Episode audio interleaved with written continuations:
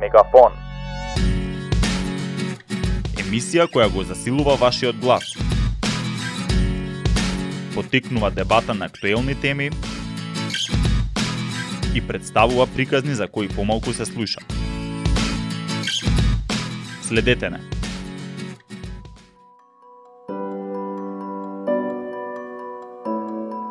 Соочување со минатото, избегнувањето на црно-белата перспектива, емпатијата и помирувањето се чини дека се тешки борби на Балкан, место во чија историја се измешани солидарност и крвопролевањето. Распадот на Југославија, растот на националистичкиот наратив и војните придонесува младите на Балканот да растат во мултиетничка, но сепак поделена средина. Случувањата во 90-тите се уште детално не се вклучени во наставната програма, па генерации на млади со себе ја влечат генерацијската траума, измешана со субјективно раскажаните приказни. Во една ваква состојба регионалното списание Балкански перспективи, поддржано од форум ЗФД, се труди преку своите текстови да отвори прашања кои би помогнале во демократизацијата и прогресот на Балканскиот регион со пополнување на дупките оставени од образованието и медиумите. Во ова издание на Мегафон разговараме со Мартин Филиповски од форум ЗФД за тоа какви се балканските перспективи. Здраво, Мартин.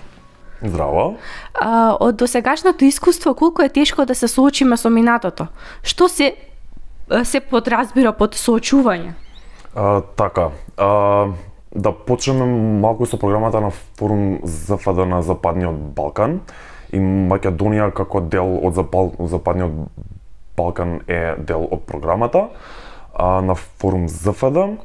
А, ако може да сумирам што значи соочување со минатото, тоа е создавање на култура на сеќавање, односно на сите оние моменти од минатото дали се позитивни или не, или негативни, да бидат мемориализирани се со цел истите да не се повторуваат и во иднина. Особено ако се задржиме на оние негативни а, моменти кои што сме ги имале а, од минатото, поготово на Западниот Балкан, знаеме, нели, како што напомени на почетокот, со распадот на Југославија, а, смената од социјалистичкиот во, во демократскиот систем, им, имаше, нели, и се уште има а, последици врз обштествата на а, Западниот Балкан и сите тие социополитички случувања што се случува пред 30 години, понекогаш и го отежнуваат тој момент на, а, на, на културата на а, сеќавање. А, пристапот на соочување со, мина, со, со минатото е поврзан со, индивиду, со индивидуалната, обштествената и, и, и политичката некоја признаеност а, и прифаќање на одговорноста а, за предходните неправди и, и реално гледано и насилството кое што се случу, случуваше на Балканот. А, па така нашата про, програма се обидува да да промовира модели на алтернативно гледање на работите, алтернативно гледање на фактите, се со цел да се спречат овие националистички наративи и глорифицирање а, на војната и на а, насилствата кои што се случува. А, се обидуваме да, да го создадеме тоа преку поврзување на повеќе невладени организации кои се занимаваат на а, на оваа тема низ целиот западен Балкан се со цел да се промовира таа регионална соработка и нели на крај надежно да се создаде некој амбиент на на доверба и на соработка помеѓу земјите и општествата на западниот Балкан. Од досегашното искуство а, па би рекол дека не е едноставно да се говори на овие теми. А, како што напоменав на почетокот, а, социоекономскиот со, социоекономските услови како што се моментално не дозволуваат секогаш луѓето а, и пошироката публика критички да размислува а, или или а, да побара некои други обяснувања освен стандардните нели кои веќе добро ги знаеме а, во однос на на тоа што се случуваше во а, во минатиот период. Та, така да да сумирам а, а, не не е едноставен а, процес и тоа е нешто што ќе трае на на полог период. Еве и самиот ти кажа а, дека до на, состојбата во Македонија не не дозволува луѓето критички да размислуваат и оттаму мене ми произлегува наредното прашање зошто е колку е тешко да се соочиме со минатото и какви све конфликти и проблеми обработува списанието Балкански перспективи. Така. А, па, во, во списанието се, обиду, се обидуваме сите а, конфликти и негативни екстернали кои се случија а, нели од од преходните конфликти а, да ги обработиме од повеќе аспекти. Зна, а, со минатото го гледаме низ призмата во образованието, значи колку нашите образовни системи би го поддржале овој а, процес на култура на сеќавање и соочување со минатото, значи образованието ни е еден а, голем елемент кој го обработуваме во а, во списанието Балкански перспективи. Понатаму се занимаваме со родовите перспективи, односно родовите рела, релации на Западниот Балкан и колку се тие поврзани со со товарот од а, од, од војните, моментално го подготвуваме списа, ја под, го, го, го, подготвуваме следното списание на тема а, поп, поп култура и соочување со минатото, односно да видиме колку поп културата помага да се доближат а, народите и нели во спротивниот правец колку поп културата може да влие во во зацврстување на овие стереотипи. А, така да а, секој обштествен проблем се обидуваме да го разработиме низ балкански перспективи преку контекстот на соочување со минатото. А, така да секогаш ги имаме тие алтернативни а, а, а, а, како се нарекуваше тоа? А, а, алтернативни разбирања за, за конфликтите и и на крај секогаш се обидуваме да извлечеме заклучок и препораки во, во однос нели се на статиите кои се пишуваат, кои би можеле понатаму а, надежно дел од публиката или дел од тие кои што не читаат да ги на некој начин имплементираат во нивниот живот и нели а, ка, а, како ги гледаат а, конфликт, конфликтите. Во каква форма денес обстојуваат нус производите произлезани од не толку днешните балкански конфликти? За жал обстојуваат, об, обстојуваат а, според мене и според овој искуство кое го имам во форум ЗФД, а, би рекол де, дека најмногу влијаат на младите, а, според мене, а, бидејќи се создава клима на недоверба, а, врз основа на, не знам, етничка припадност, религиозна припадност, а, тоа се работи кои не може некој човек да ги смени току така, а, односно не, не знам ни колку е возможно да се смени. А, и, и, и, и сето тоа продуцира голема недоверба врз основа на, на работа која навистина е не, речисти невозможно да се смени. Тоа исто предизвикува и една доза на милитантност а, кај, кај младите, особено тоа се гледа и преку, преку социјалните медиуми. Значи, секогаш кога има а, вест која е нели мал, малку потешка за а, за за читање и за разбирање, може би не оди секогаш во прилог на наративот кој што ние а, го знаеме и онака инстантно се гледа, се гледа по коментарите, поготово младата популација кај нас, а, колку е се уште мили... со доза на милитантност, а, а, полна со предрасуди и стереотипи и, и тоа е навистина една работа која сметам дека понатаму ќе биде навистина голема препрека во помирувањето са, во однос на Македонија нели на нашето внатрешно помирување ко- кое кое моментално се се случува се уште и а, помирувањето на земјите од, од западен а, Балкан. А, тоа е една нус појава кај кај, кај младата а, популација, а друга според мене исто интересна нус појава е а, генерално квалитетот а, на на а, на медиумите. А, а, медиумите се стана политичко оружје во денешно време, а, многу помалку има тој информативен карактер, а, а, моментот на дебата, а, истражувачко новинарство сега некако се чини дека е многу а, а, односно оди кон пр- кон правецот на тоа медиумите да ста, да станат алат за политички цели. Ем, да. Имам едно прашање, како што знаеме работата на балкански перспективи е да нели да ги истражува образованието, културата, родовите политики во контекст на нели на на помирувањето со минатото, па сакам да те прашам кои се наудите до сега на кои што сте на, наишле?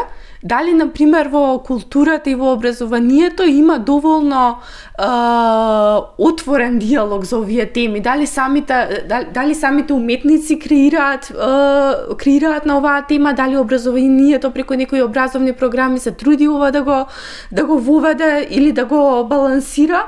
Или едноставно е, наудите само покажуваат дека не постои такво нешто? А, да, а, па би рекол дека таа соработка не е на некоја по не е на некое високо ниво. А, многу почесто тој вид на соработка се случува чисто заради индивиду, индивидуалните преференции на нели на, на тие експерти или, или, или, или уметници или новинари кои би сакале да работат а, заедно.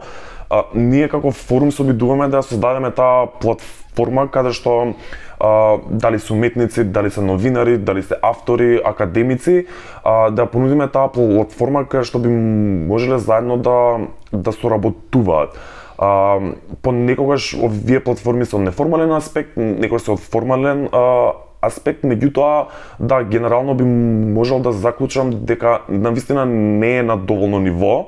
А, и овој вид на сор- соработка на вистина многу зависи од, полити, од политичката волја а, во земјите. Еден, еден конкретен пример за тоа е а, соработка помеѓу Македонија и Бугарија. А, пред да се а, случи целиот овој проблем со на- нашите евроинтегр со нашите евроинтеграции и а, овој спор кој се за со Бугарија, а, имаше доста голема културна поврзаност а, во однос на театри, а, ли, а, литература а, и ми, ми се чини дека беше во 2018 дека бугарската литература беше во топ 3 најчитани литератури кај нас веднаш по нели целиот тој политички проблем кога излезе ситуацијата се смени веднаш.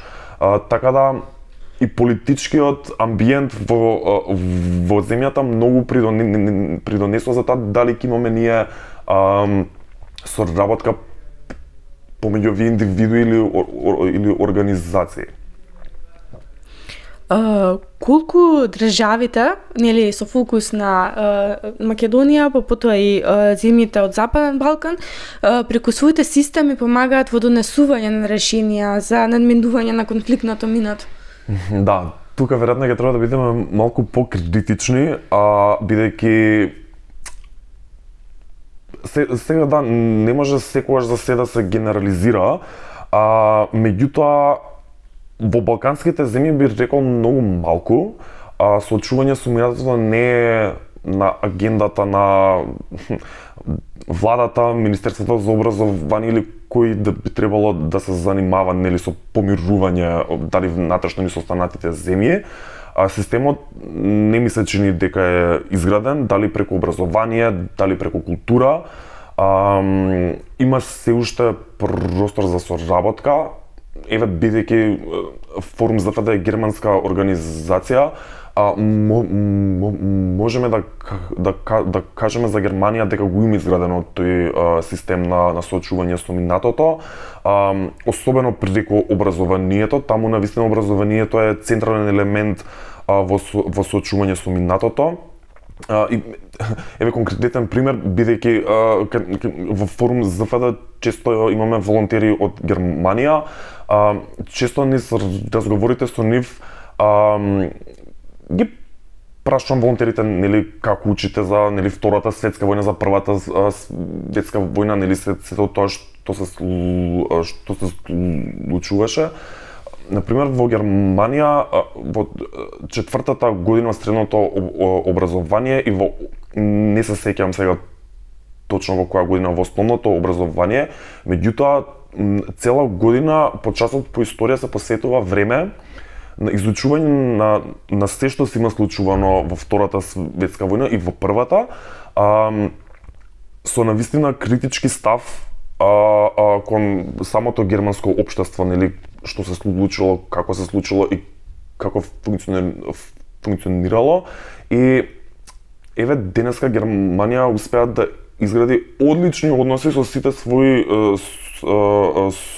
соседи. Така да Да, ако има политичка волја, нели се навраќаме на преходното прашање, ако има политичка волја, земите дефинитивно ќе ќе можат да да да го изградат овој систем. А, меѓутоа сега за сега таа политичка волја на Балканот изостанува. А каква е состојбата на Балканот? Имајќи предвид дека а, како што веќе кажа, понекогаш а, политиките на сеќавање и бурање со со со минатото а, зависат од а, тоа каква е политичката состојба, односно дали може би владува конзервативната или може би по а, демократската а, по демократската наративна политичка страна. И сега сакам да те прашам имајќи предвид дека еве моментално во Македонија не немаме конзервативен Uh, немаме конзервативна влада, uh, како uh, е состојбата во другите земји, дали може би идеолошката идеолошката поставеност на земјите зависи од тоа како ќе се развиваат меѓусоседските односи. Да, А, да, за жал не, не би требало да е важно дали а, моментално земјата е во нели во, во левиот дел од политичкиот спектрум или во во десниот дел. А, ова е процес кој не би требало да зависи во, воопшто од политичката е, идеологија, А, секако се нормал, нормално е таа политичка идеологија да има некое свое видување или про, програма како да се изнесат а, он, он, или односно како да се соочиме со минатото, тоа не е воопшто спорно, меѓутоа се согласувам со тебе дека на, Бал, на Балканот на вистина зависи од, од, од политичката ориентација колку а, земјата била успешна во процесите на соочување со минатото. А, за жал знаеме кај нас како помина земјава со, со, со конзервативната а, а, а, со, со, со конзервативната страна во а, а, во политиката. А, и може да се забележат истите при, примеси а, во останатите балкански земји, меѓу, меѓутоа а, и не секогаш. А, сметам дека повеќе кај нас е проблемот и во, во Македонија и во останатите балкански земји што немаме обществен договор внатре во земјите, а, каде што окей, сме се договориле тоа, тоа и така си има случено, тоа е во минатото, ајде да видиме што може да направиме во иднината. А, и ми се чини дека без разлика на политичката страна дека нема доволно волја за да се создаде овој амбиент. Меѓутоа да, се на некое погенерално ниво да зависи во однос на тоа дали сте а, дали партијата ќе биде отворена кон критика за ова или не, меѓутоа пак суштината е дека се уште го немаме изградено тој договор и разбирање внатре во земјите. Да, и некако ми се чини дека популизмот многу често под понатаму се развива во во национализам и некои разгорување на некои меѓу меѓу соседски тензии, некако Абсолютно. тоа се чини дека земјива во на во западен Балкан многу страдаат од од тој феномен. Што мислиш ти по по ова прашање, по овој став? Апсолутно страдат и навистина е жално што тие тешки моменти од нашата историја се уште се користат како политичко оружје а, и оружје за добивање на, на гласови на избори. А, многу е често на Балканот дури тие што се нај што ги сметаме за либерални политичари да ја сменат да го сменат наративот релативно брзо и да се претворат во сето она што тие биле против тоа. А, тоа е навистина проблем а, кој не нуди кој, кој не може да понуди никакво решение на на овие проблеми и едноставно тоа е секогаш на, на, на Балканов кај нас. А, пред избори се ветуваат нели брда и планини и ќе се помириме и ќе правиме вака и ќе правиме онака, меѓутоа веднаш по добивањето на истите избори а, наратив, наративот се менува и се станува популистички, нели се станува ние бевме жртви, тие не нападна или или или обратно и и нема нема доволно волја за да се изреши со овој односно овие проблеми најверојатно нема да се изрешат никогаш до крај, а меѓутоа многу е важно постојано да се зборува и да се дискутира. А, за, за како што напоменав уште на почетокот за, за овие работи да не се повторуваат пак. Меѓутоа, и заради тоа се нарекува култур, култура и на сеќавање. А, меѓу, меѓутоа, политичките елити често забораваат на тоа и а, тие нар и, и, и, и тие минати искуства кои што сме ги имале со конфликтите се користат како како како оружје. А, за жал моментално ситуацијата е така се надеваме нели дека водината би се променило се во ова. И како се во ова влијае врз младите, еве не само од земјава, туку и во регионов? Јас мислам дека не има сериозни негативни ефекти врз младите. А, наместо младите да бидат тие кои навистина критички ќе ќе ќе се осврнат а, кон овие случувања од минатото и, и, и, и ќе може да излечат поука од, од се ова, сметаме дека се преоптоварени. А, со милитантна историја и милитантно сваќање на работите. Еве на пример кога сме учели историја, знаеш ти, ние историја секогаш ја учевме и ја разбиравме преку фронтовите кој кого нападнал, кога нападнал и секако дека, дека тоа е важен аспект од, од, од историјата, не, не, не дека треба се заборави тоа, меѓутоа во годините пред фронтовите на, сите култури на, Бал, на, Бал, на Балканот комуницирале една со друга, ам, немало граници, луѓето слободно се селеле.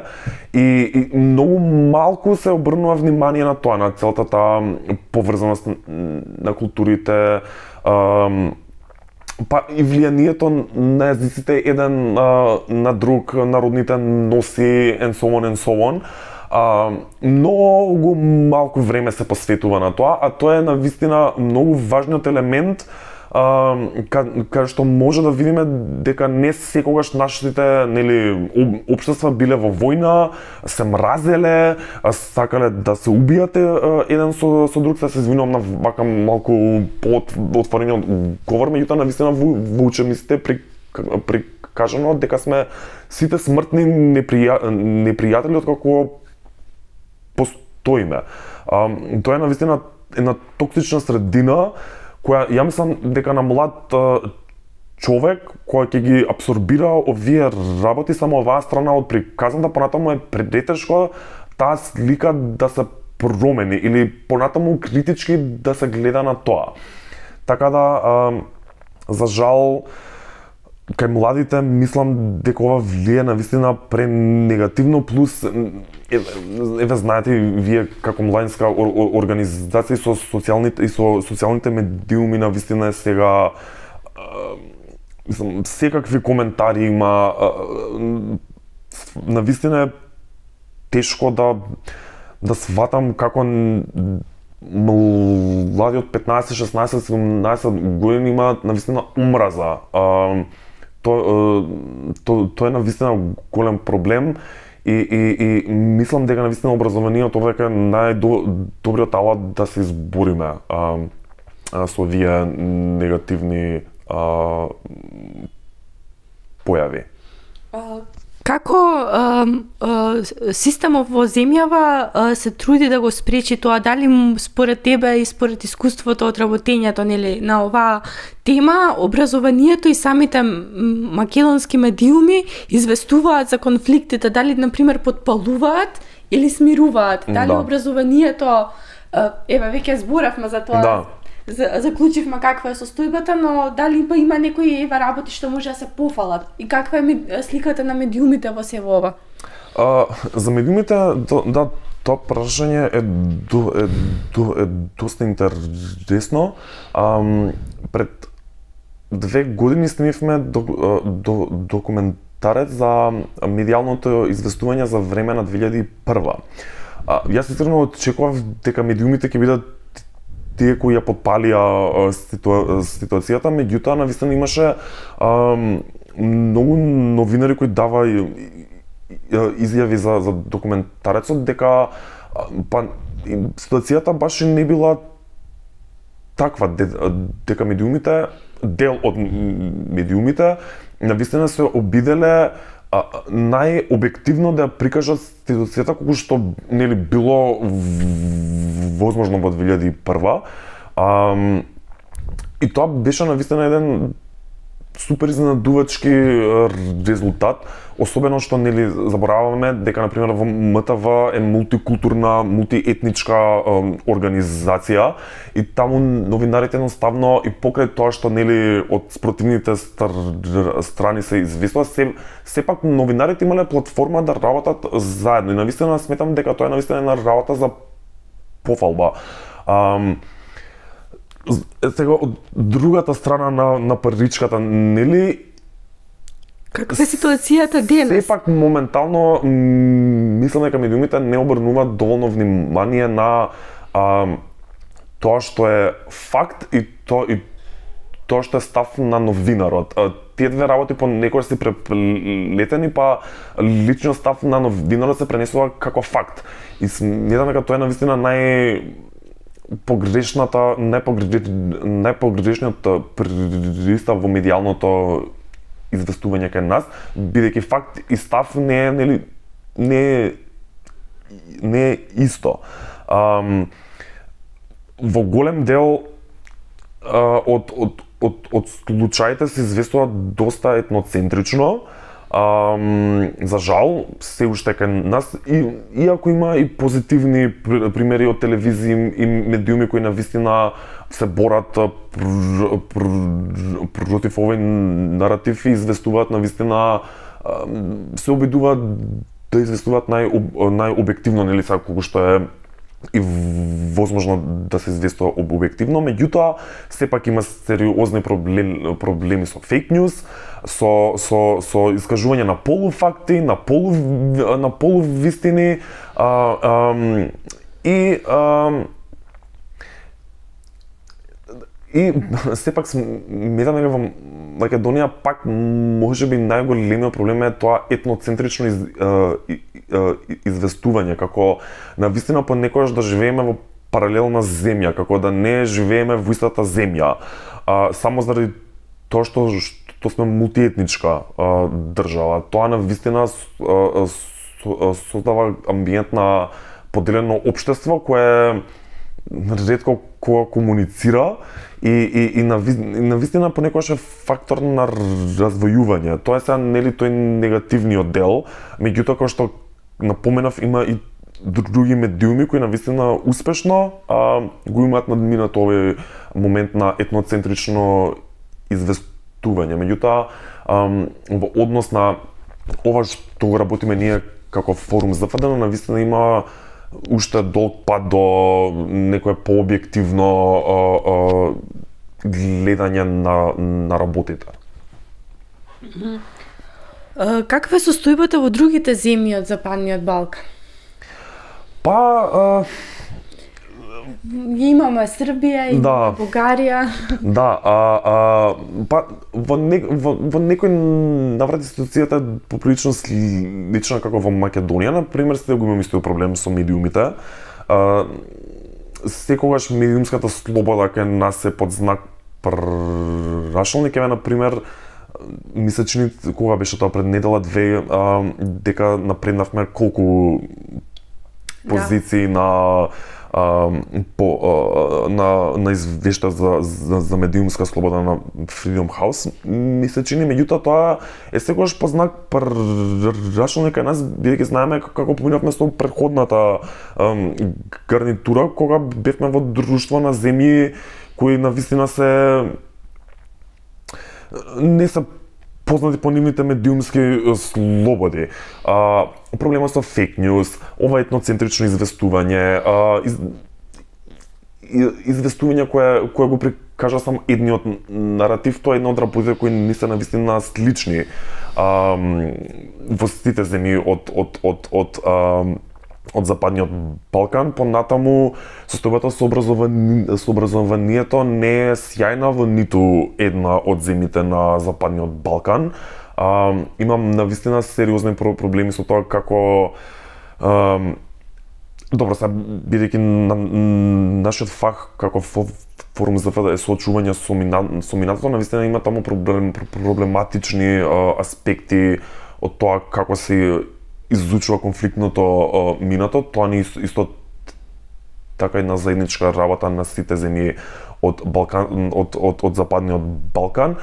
А, и се во ова додатно со нели социоекономскиот контекст, а, сите подеднакво го имаме истиот проблем со одлив а, на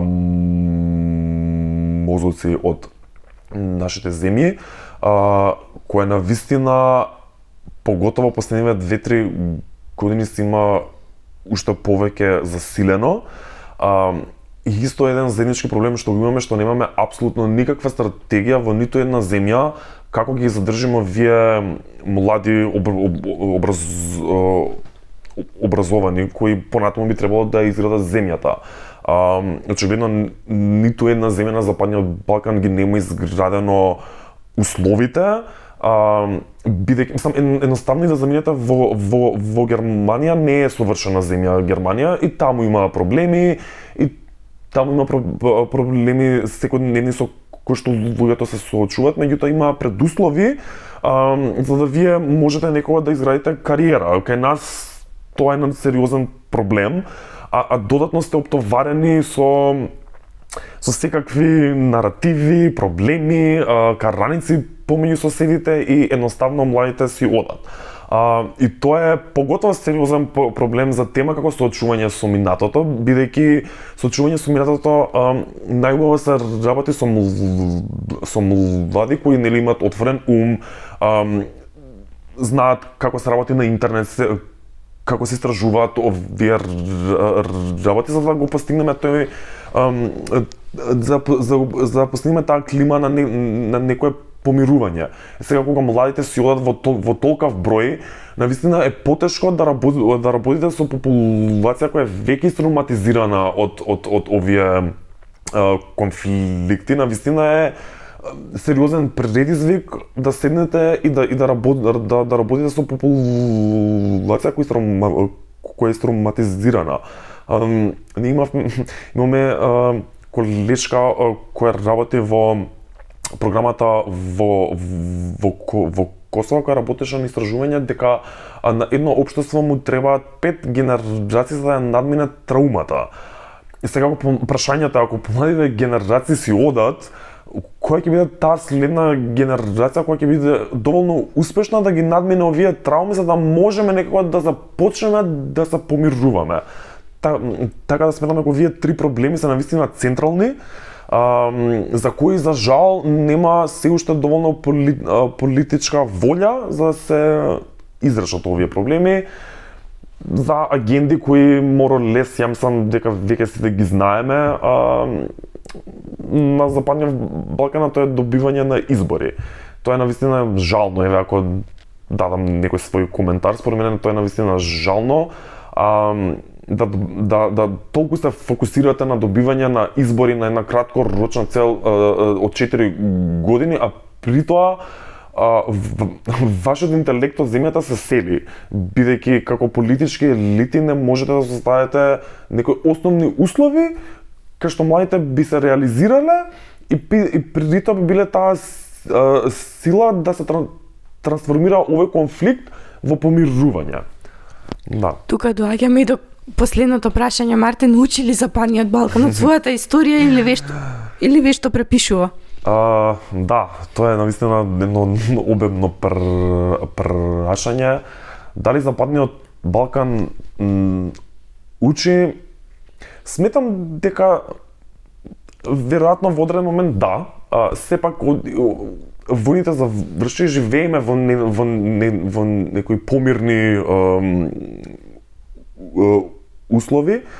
А, меѓутоа што на вистина се смени, а, наративите остана исти, а, погледот кон соседите остана ист, а, а, нема иницијатива односно ретко кога има ин, иницијатива сега да не да не бидеме тол, и толку критични бидејќи навистина има организации индивиди кои многу напорно се се трудат за да ги надминат овие проблеми, меѓутоа на генерално ниво Западниот Балкан некако не оди ни напред ни назад, туку едноставно стои во една состојба на лимбо која не се променува. А, а, и, и, и, и тоа е навистина еден, еден голем предизвик за понатаму за нашите нели општества и земји и, и како ќе се ќе се развиват истите, бидејќи ако стоите во лимбо, што може да очекуваме дека понатаму ќе се смени.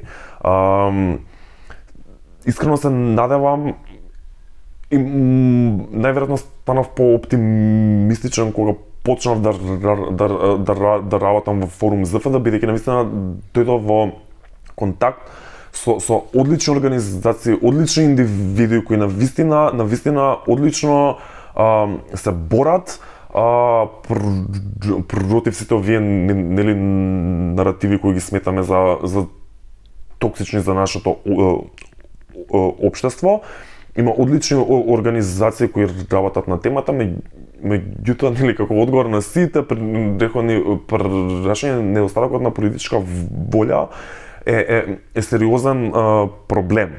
А, за жал да поне Балкан ќе продолжи да препишува доколку политичките елити на вистина не започнат да се ангажираат со решавање на овие сериозни проблеми кои ги имаме за понатаму да се барем да да се трансформираат овие конфликти кај што би можеле да дојдеме до некој ниво на дебата за да ги разговараме нели со смирена глава за да дојдеме до навистина продуктивно а, решение. Меѓутоа тие услови сега за сега, за сега на Балканот уште ги нема. Благодарам га Мартин за гостувањето. Тука некаде и завршува ова издание на Мегафон, а со слушателите се слушаме во некој од наредните епизоди. Фала за поканата. Чао, чао.